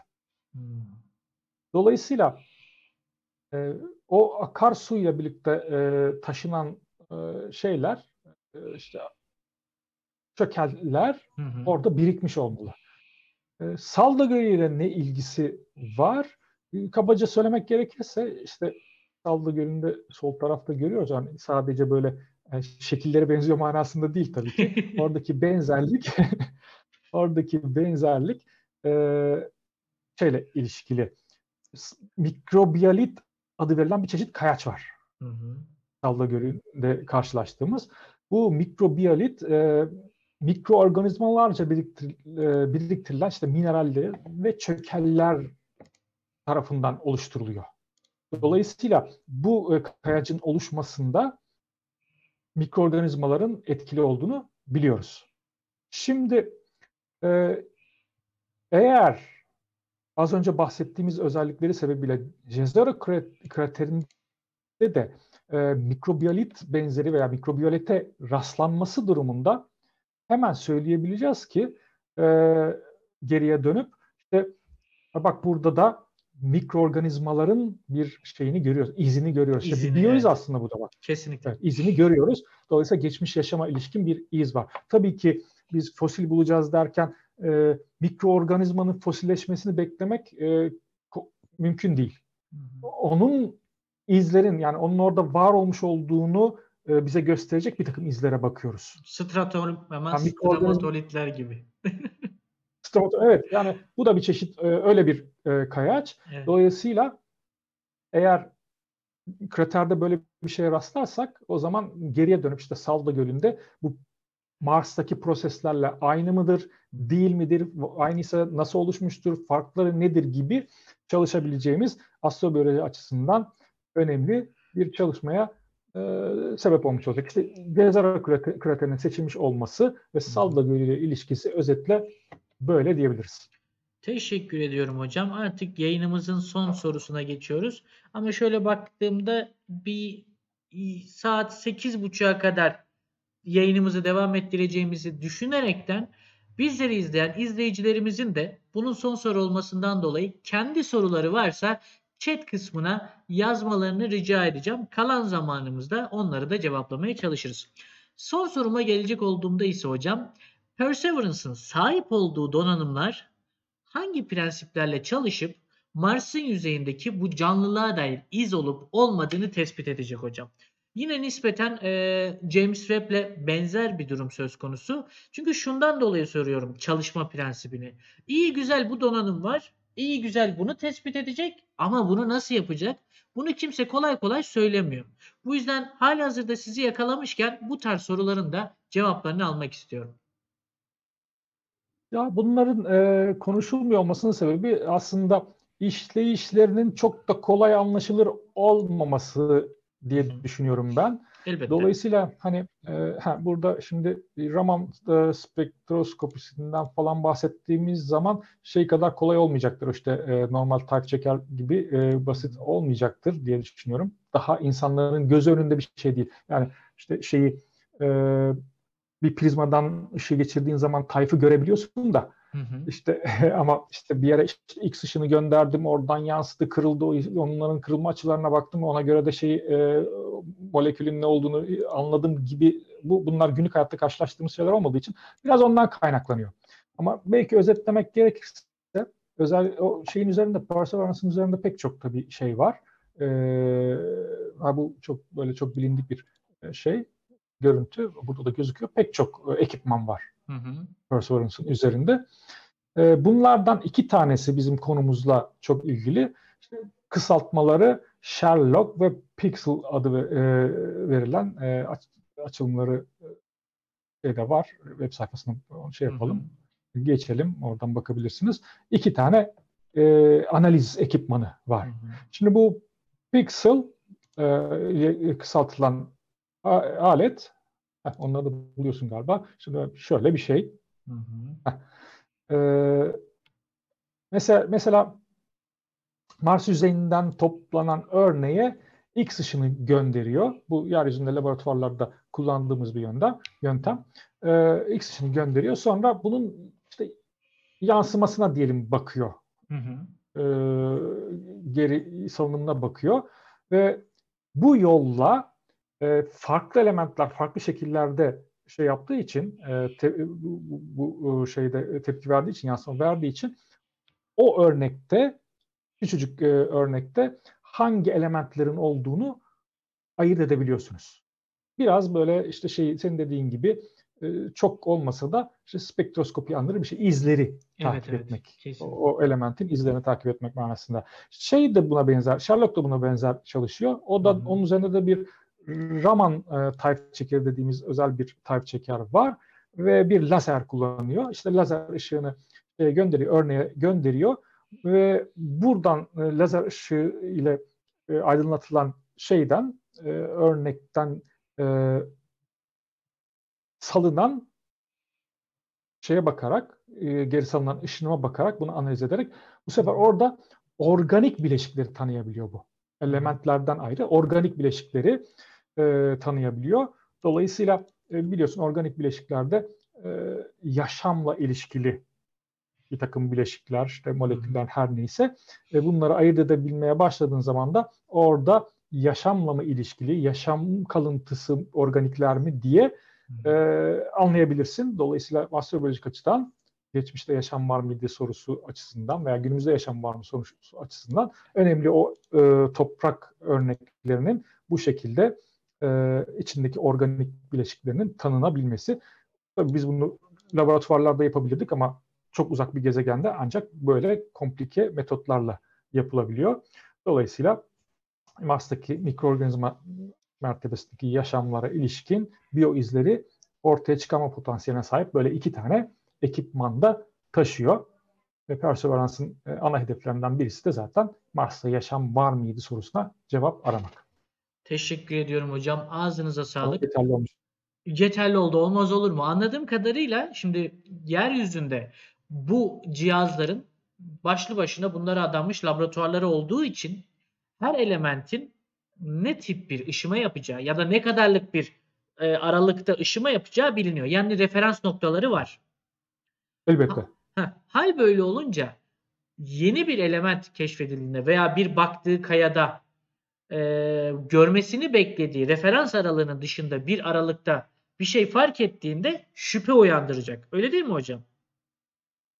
Ee, yani tamamen bunların dışında yeni bir şey demek e, belki ben senin ne demek istediğini çok iyi anlıyorum Hı ama kafa karışıklığı olmasın diye e, Tabii ki. kusura bakma bir şey yapayım. E, şey, e, Elbette Hani- hocam. bilmediğimiz bir şeyi keşfetmeyi beklemiyoruz.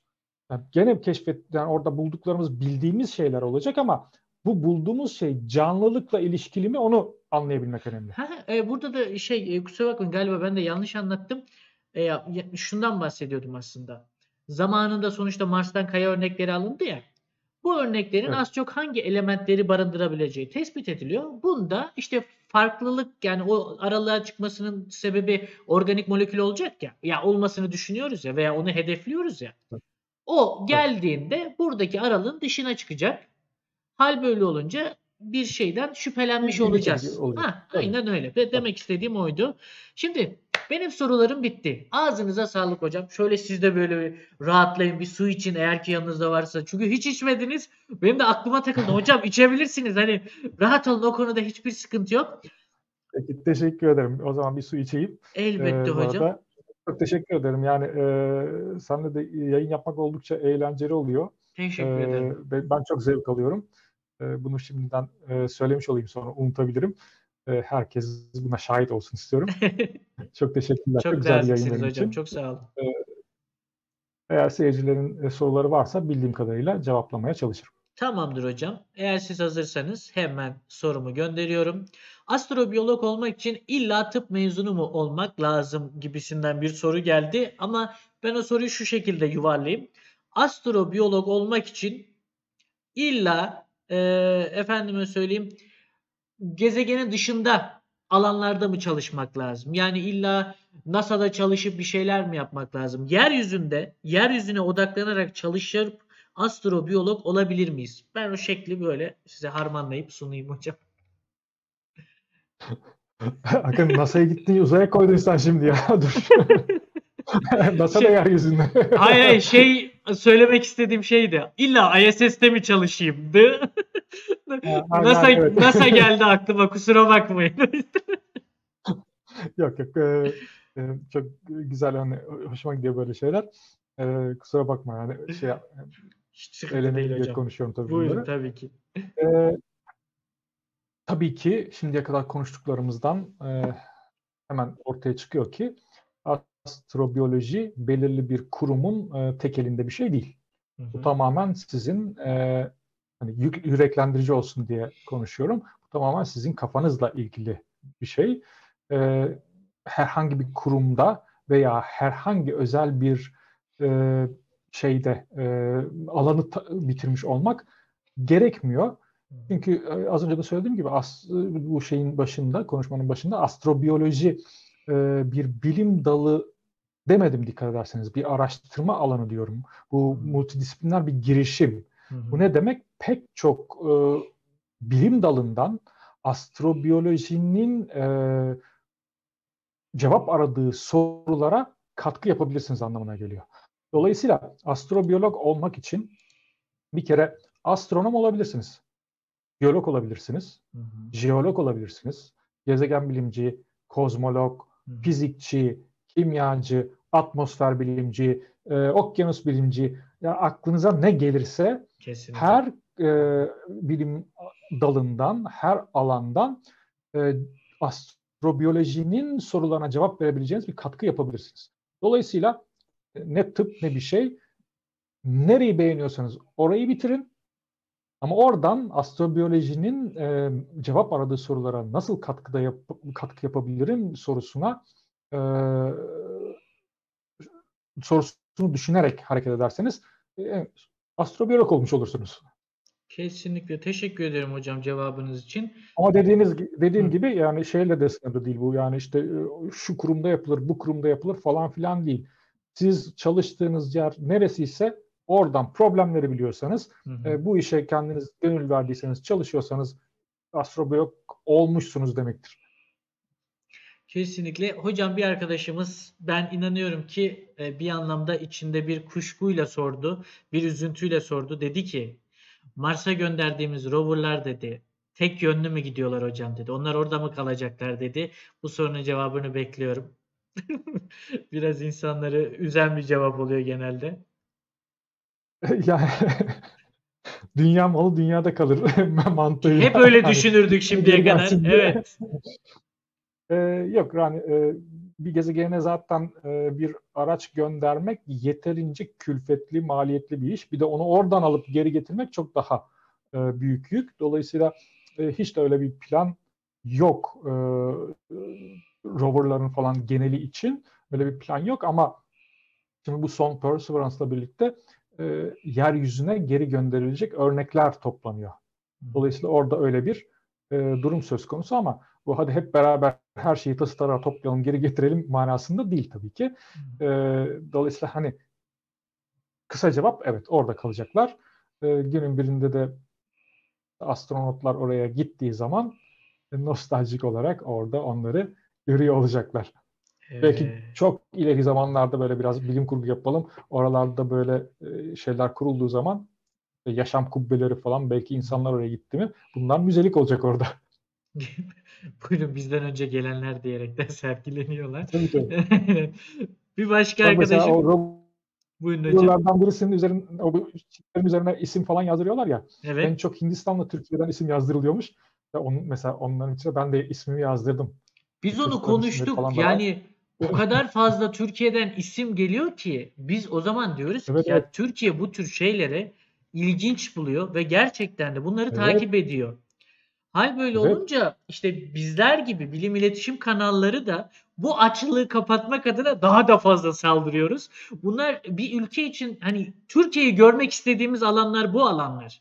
Kısacası lafın Evet. özeti bu. Hal böyle olunca insanlar seviniyor. Umarım ki bu isteklerini karşılayabiliyoruzdur. Umarım ki sizin gibi işte saygıdeğer hocalarımızla beraber, bilgi yüklü hocalarımızla beraber bunları karşılayabiliyoruzdur diyorum. Ve e, ülkeme dair güzel sözlerimi burada bırakıyorum. Bir arkadaşımız da son soru olarak alıyorum arkadaşlar. Kusura bakmayın. Çok temel bir soru sormuş. Bizim de zamanında işlediğimiz bir soru. Karbondan başka hangi element, pardon işte doğru hangi element organizma oluşturabilir? Yani o karbonun 4 bağ yapabilme özelliğine sahip başka hangi element var da böylesine komplike, kompleks e, canlıları meydana getirebilir diye sormuş arkadaşımız. Bakü'den selamlar demiş. Yarı, yarım saat daha bir vaktimiz var mı? Ah, işte anladınız mı? Öyle bir sıkıntı olmuş. Hocam Peki, kısaca. özetlemeye çalışayım. Ee, özetlemeye çalışayım. Şimdi e, yeryüzündeki yaşam karbona dayalı dedik. Bunun e, bir sebebi var. Karbon elementinin aynı anda e, en fazla e, bağ yapıyor. Ba- başka elementlerle en fazla bağı yapıyor olabilmesi. Bu birinci özellik. Aynı anda dört e, farklı atoma bağlanabilir karbon elementi. E, dolayısıyla periyodik tablodaki kendi sütunu haricindeki diğer tüm elementlerden bu yönde öndedir. Neden buna ihtiyaç var? Çünkü yaşama ilişkin moleküller, e, organik moleküller ve özellikle de yaşam dediğimiz zaman aklımıza gelen genetik kod yani DNA, RNA gibi devasa moleküller ancak böyle uzun, kompleks e, şeyler yapabilen, e, zincirler yapabilen atomlarla oluşturulabilir. Dolayısıyla karbon bunun için çok idealdir. Böyle büyük moleküller oluşturmak için, makromoleküller oluşturmak için. Dolayısıyla e, bir DNA, RNA oluşacaksa kendiliğinden karbon veya karbonun e, altında periyodik cetvele bakarsanız onun altında bulunan elementler en ideal durumdadır. Ancak bu e, karbon ve onun altındaki elementler kimyasal bağ yapma açısından birbirlerine benziyor olsa da şöyle bir sıkıntı var. Karbondan aşağıya doğru gittiğiniz zaman e, onun altındaki elementlerin bağ yaptıkları bağlar çok zayıf olmaya başlıyor. Hmm. Çabucak kırılabiliyor. E, dolayısıyla hani siz böyle büyük makromorfil yapıp onu uzun süre e, koruyabilecekseniz mümkün olduğu kadar sağlam da bir bağ isterseniz karbonun böyle bir avantajı da var. Tabii ki canlılık için sadece karbon değil, işte e, temel olarak canlılığın kimyasında karbon var dedik ama karbonla birlikte azot, oksijen, e, karbon, azot, oksijen, e, hidrojen, neyi saymadım? Karbon, azot. Ben dedim. de hangisi eksik diye bakıyorum şu. Hidrojen evet. Hidrojen, hidrojen, işte hatta e, kükürt ve fosfor var. Aa, iz elementler de e, var, evet. temel şeyleri. Ve karbonla oluşturan bu organik e, moleküller e, su suyla temas ettiğinde e, bir kısmı e, işte hidrofobik, bir kısmı hidrofilik dediğimiz e, özelliklere sahip. Hidrofobik e, özellikler suyu, suyun içinde e, o molekülün kendisini suya kapatıp kapalı böyle e, şeyler, kesecikler falan oluşturmasına sebep oluyor. İşte mesela e, canlılar için e, gerekli olan bu konteynerlerin yani hücre zarlarının oluşması Lipidler. bu organik evet. moleküllerle evet ve karbona dayalı e, bu organik moleküllerle daha kolay. E, onun dışında e, hidrofilik özelliklerde suyun içinde bu bileş, hidrofilik özellik gösteren karbonlu bileşiklerin çabucak çözülmesine Hı hı. sebep oluyor. E bu da o suyun içinde yaşamla ilgili kimyanın e, oluşabilmesi için ortam oluşturuyor. Dolayısıyla karbon çok ideal e, gözüküyor karbon kimyası. Hı hı. E, aşağı doğru silisyumdan olur mu derseniz e, yani benzer kimyasal özellikleri var ama silisyum e, e, çok daha farklı koşullarda örneğin çok yüksek sıcaklıklarda karbon gibi davranıyor. İşte o sıcaklıklarda bir yaşamın olmasını beklemek, kimyanın sürmesini beklemek veya soğuk ortamlarda beklemek pek mümkün olmuyor. E, detaylarını daha önce konuşmuştum. E, vaktimiz var mı bilmiyorum. Daha detaya gireyim mi, devam edeyim mi? Daha konuşabilirim bu konuda Bence ama e, yeterli yeterliyse hocam.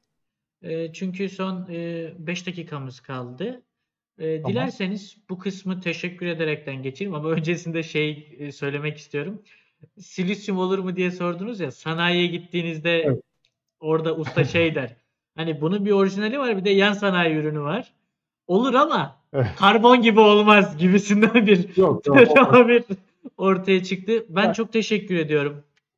Buyurun hocam. Teşekkür ederim. Çok güzel bir yayındı. Çok zevk aldım.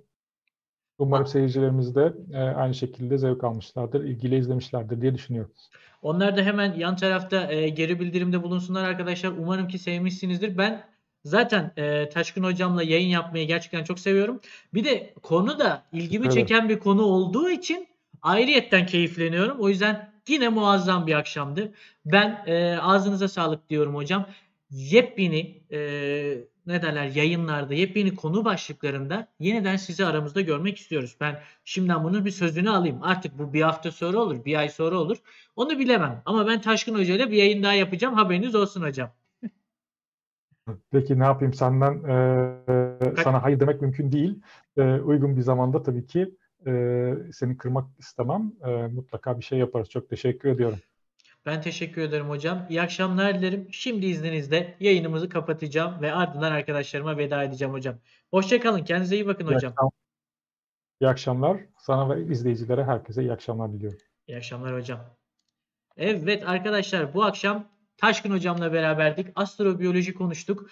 Derya deniz bir konu olduğu için arkadaşlar sorduğumuz soruların bir tanesi bile gerçekten saatler alır. Abartısız. Neden? Çünkü multidisipliner bir çerçeveden yaklaşmaya çalışıldığında gerçekten dakikalarımızı, saatlerimizi harcayabileceğimiz bir konuydu. Bu yüzden tıraşlamak zorunda kaldık ve en iyi şekilde aktarabilmeye çalıştık. Umarım ki sizler için keyifli ve yeterli olmuştur. Aynı zamanda bir farkındalık kazandırmıştır diye düşünüyorum. Bunun dışında bizleri dinleyip e, izlediğiniz için çok ama çok teşekkürler. Şimdi işin reklamlar kısmına geldik. Arkadaşlar bilmiş olduğunuz üzere ülkemizde bilim iletişimini yaymak adına Evrim Ağacı ailesi olaraktan çeşitli platformlarda sizlerin karşınıza çıkıyoruz. Instagram, Facebook, Twitter, e, YouTube hepsinde varız. Bizleri takip edip olası yayınlardan ya da e, bilim dünyasında gerçekleşen yepyeni konu başlıklarından haberdar olabilirsiniz. Bunun dışında Twitch adresimize abone olup bizlere desteklerinizi izlemenin dışında da bir maddi olaraktan da gösterebilirsiniz. Ha, olmazsanız da çok sorun değil. Burada bize varlığınız yetiyor. Bunun dışında yayını kaçıranlar, ortasında gelenler ya da sonrasında gelenler. e, Evrim Ağacı 2 adlı YouTube kanalımızda tekrarı yayınlanacak. 1-2 güne yayınlanır tekrarı. Orayı ziyaret edebilirsiniz. İleriye yönelik yayınlarımızı da öğrenmek isterseniz Evrim Ağacı TV adlı Instagram kanalımızı seyredebilirsiniz. Şimdi reklamımı yaptım. Arkadaşlar saat 9'da Tek Çare Uzay adlı e, YouTube kanalında Umut Yıldız hocamızla beraber tardigratları konuşacağım. Hepinizi şimdiden Evrim Ağacı ailesi olarak oraya davet edeyim. Kendinize iyi bakın. Hoşça kalın arkadaşlar. Şöyle kapanış intromu da vereyim. Bay bay.